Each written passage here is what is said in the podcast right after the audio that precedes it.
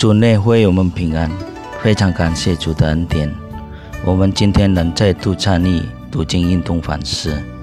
读经运动反思之前，请阅读本日读经运动的经文和请阅读本日读经运动的短诗。各位兄弟姐妹们，大家好，大家平安，感恩，感谢大家能够来参加啊今天的读经运动反思。嗯，在还没有开始之前，我们先祷告。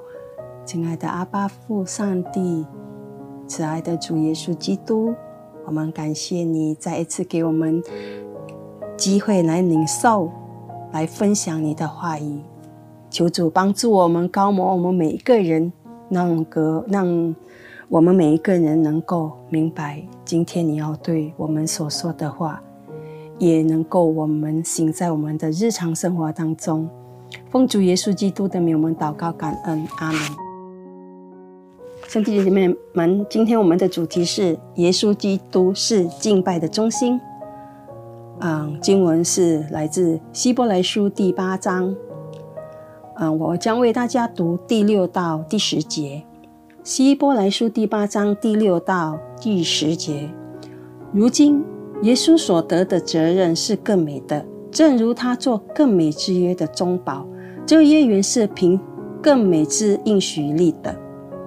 那前约若是没有瑕疵，就无处寻求后约了。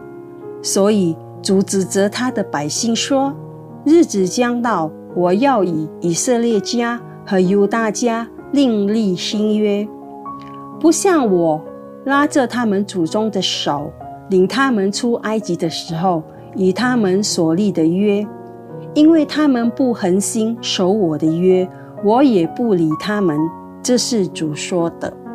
主又说：“那些日子以后，我以以色列家所立的约仍是这样。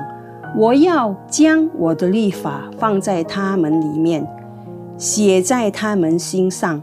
我要做他们的神，他们要做我的子民。”阿明。读经到此，病毒温情大流行，改变了教会的敬拜含义。和敬拜形式的方方面面，在居班设置限制之际，教会绞尽脑汁来设置温情版的敬拜。有些教会立即将现场实体的敬拜转为线上视频敬拜，又有些教会呢布置一般改装成为居家敬拜的概念。显呈现出一副非正式之家庭聚会敬拜形式，音乐旋律也似乎朴实，信徒却也乐在其中欣赏。除外，还有好些其他温情版的敬拜形式，在如此的状态中。我让我们考虑一个神学的议题，那就是基督在敬拜中的位置，到底是今时今日教会的敬拜是否还是以基督为中心？敬拜中是否依然谨守唯独基督的原则呢？而当我们敬拜者在跟随敬拜时，无论是来教堂还是在线上视频，我们在敬拜中做了什么呢？有些人是因为这是例行公事，对基督徒来说是必须的。他们敬拜，但他们敬拜的过程中，他们根本没有敬拜，他们没有积极的赞美和敬拜上帝。没有专心听到，也不明白所听得到，更不用说把上帝的话带入日常的生活里。在敬拜中，应当把全部的赞美、敬拜、祷告的焦点都要聚集在耶稣基督的身上。主耶稣是大祭司，他将自己献为祭物。使我们已经与天父恢复关系，以便我们他的子民能来敬拜中面对上帝。希伯来书的作者老早就参透，在老早就参透到主耶稣身为大祭司的角色，他就是唯一的中保，使人与上帝敬拜中的连结。主耶稣的作为，则是献上自己，成为完美全备、毫无瑕疵的祭性。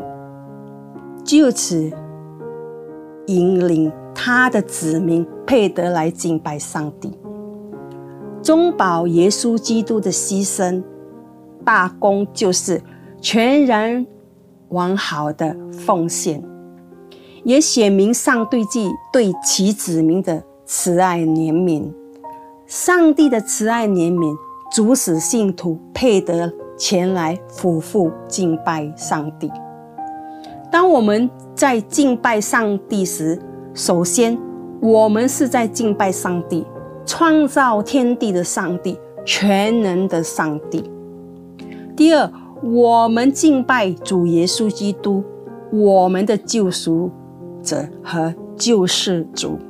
主耶稣基督和他的救赎工作，是我们敬拜的中心，不是我们自己为中心。要讨主喜悦，而不是我们敬拜者的喜悦。兄弟姐妹们，请切记，相信信仰和正确的敬拜是分不开的。从今天开始，我们要积极的敬拜耶稣基督，不要只是旁观坐着，没有开口赞美上帝，没有专心听到。来吧。改变我们的敬拜中心。您的教会敬拜聚会是否已经以基督为中心呢？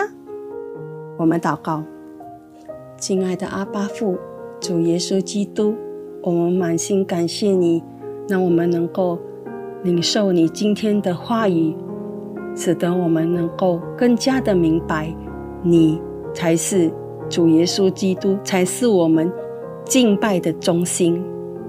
帮助我们，祝福我们，使得我们够改变我们所要敬拜的中心。奉主耶稣基督的名，我们祷告感恩，阿门。